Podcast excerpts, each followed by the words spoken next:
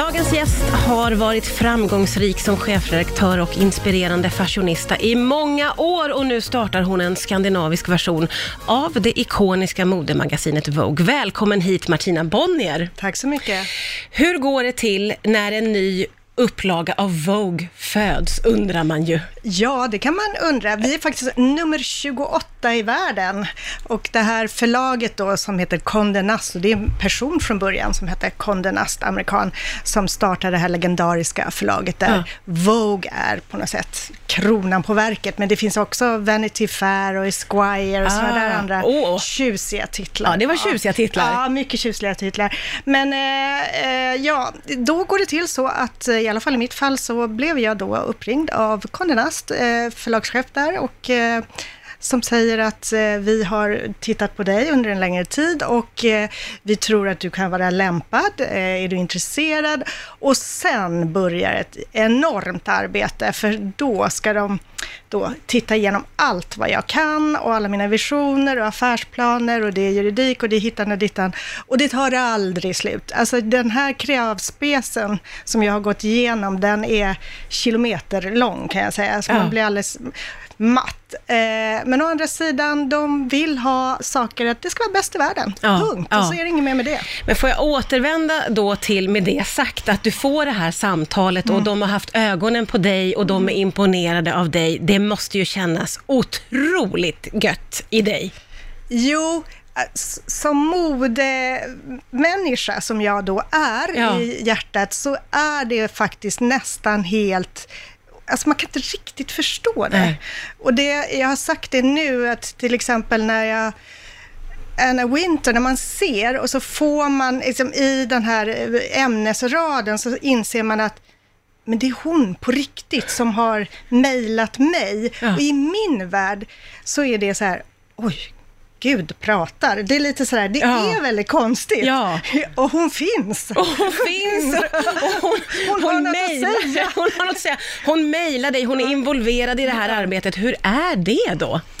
Det är jättespännande. De, det finns ju en sån otrolig kunskapsbank och eh, nu måste jag också säga att vi, vi ska ju göra någonting så spännande som den mest moderna Vogue i världen På någonsin. vilket sätt då? Eh, att vi kommer vara vad man kallar för digital first, det vill säga att magasinet kommer finnas och göras och kommer bli ännu lyxigare än förut. Eh, men det som vi verkligen gör nytt, det är ju då den digitala sidan och där kommer vi använda oss av allt som går. Mycket film, mycket egenproducerat, musik, 3D, vi chattar du kommer kunna vara med, du kommer, vi kommer göra event, e-learning, vi kommer, du kommer kunna, det är en hel värld, ett helt litet Vogue Scandinavia-universum. Ja, som övriga världen ju troligtvis kommer att ta efter sen då. Alla kommer att gå åt samma det, håll. Det är meningen, att gör vi det här bra så, för de, de tänker ju också att eh, vi är bäst på tech mm. i världen. Mm. Eh, så om någon ska klara av det här konststycket så, så är det vi uppe i, i norr. Alltså otroligt, det måste vara fantastiskt eh, jag, jag, bara känner med dig att det liksom spritter i mig, för jag är så glad för din skull. Men också bördan på dina axlar, herregud. Du nämnde ju Anna Wintour här. På vilket sätt är hon inblandad då i den skandinaviska versionen av Vogue? Hon är ju överste creative director, chef, de har så långa titlar ja. i USA, eh, över allt som har med Vogue att göra helt enkelt. Så eh, om hon har en vilja i någonting så, så måste man ta hänsyn till det. Mm. Eh, jag ska också rätta dig lite grann. Det är faktiskt inte bara en skandinavisk, utan det är en nordisk. Ah. Eh, ja, vilka vi, är det som ska få, det är alltså? Mm, det är, ja, det är Sverige, Norge, Danmark, Finland och Island ah. som, vi är, som är mitt område. Och jag kommer ha huvudredaktion och huvudkontor i Stockholm, men sen också medarbetare då från respektive land som då kommer täcka deras territorium så att säga ja. och rapportera in. Och hur tänker du kring det då, att få med flera olika länder i samma magasin? Jag sa just det till dig innan, att vi som bor här i Norden, vi upplever ju att vi, det finns ju olikheter mm. mellan, tycker jag då, svenskt mode.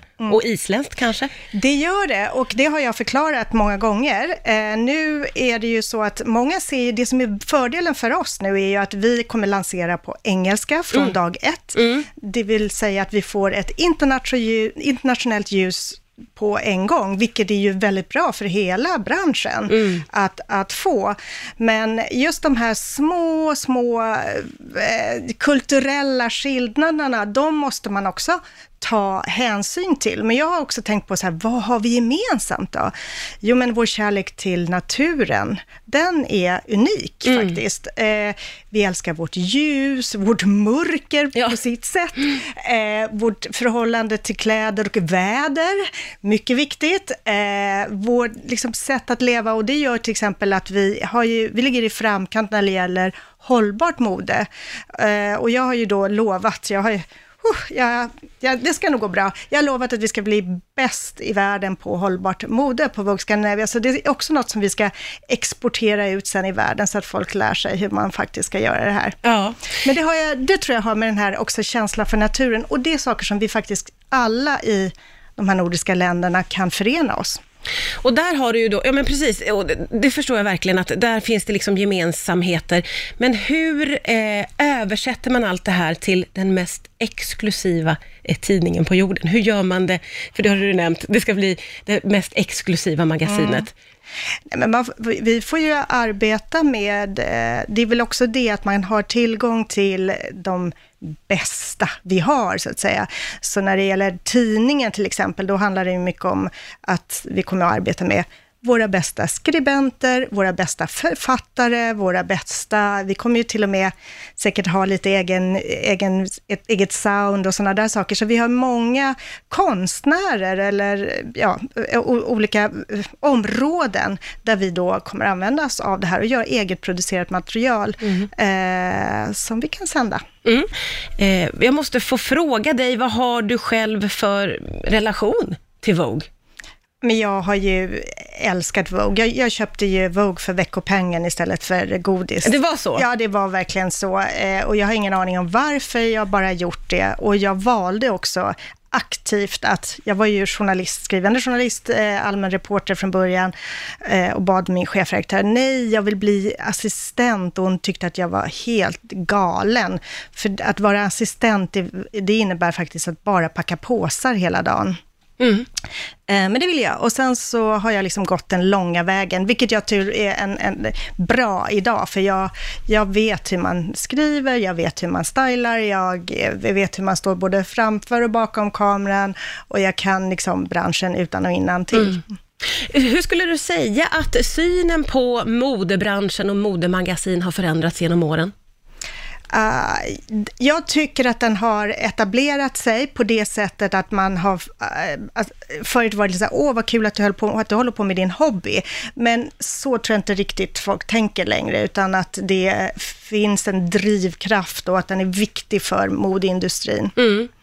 Eh, och vad, nu förstår jag ju på dig eh, att det är otroligt mycket jobb, jobb, jobb, jobb och så kommer det att fortsätta att vara, förstår jag. Ja. Men vad ser du mest fram emot i det här arbetet som du har framför dig och som du är mitt i? Nej, men det är ju att kunna vända lite en, en industri som har sett likadan ut under decennier och att kunna hitta ny publik och en ny spänning i modejournalistiken helt enkelt. Eh, om jag lyckas med det, ja, då kommer jag vara glad, i alla fall en liten stund. Och sen ska du vidare mot nya mål, Ja. förstår jag ju på dig, även om jag bara träffat dig en liten kort stund här. Du, jag önskar dig eh, stort lycka till, det ska bli väldigt spännande att följa detta. Tusen tack Martina Bonnier för att du Tack kom hit själv. idag.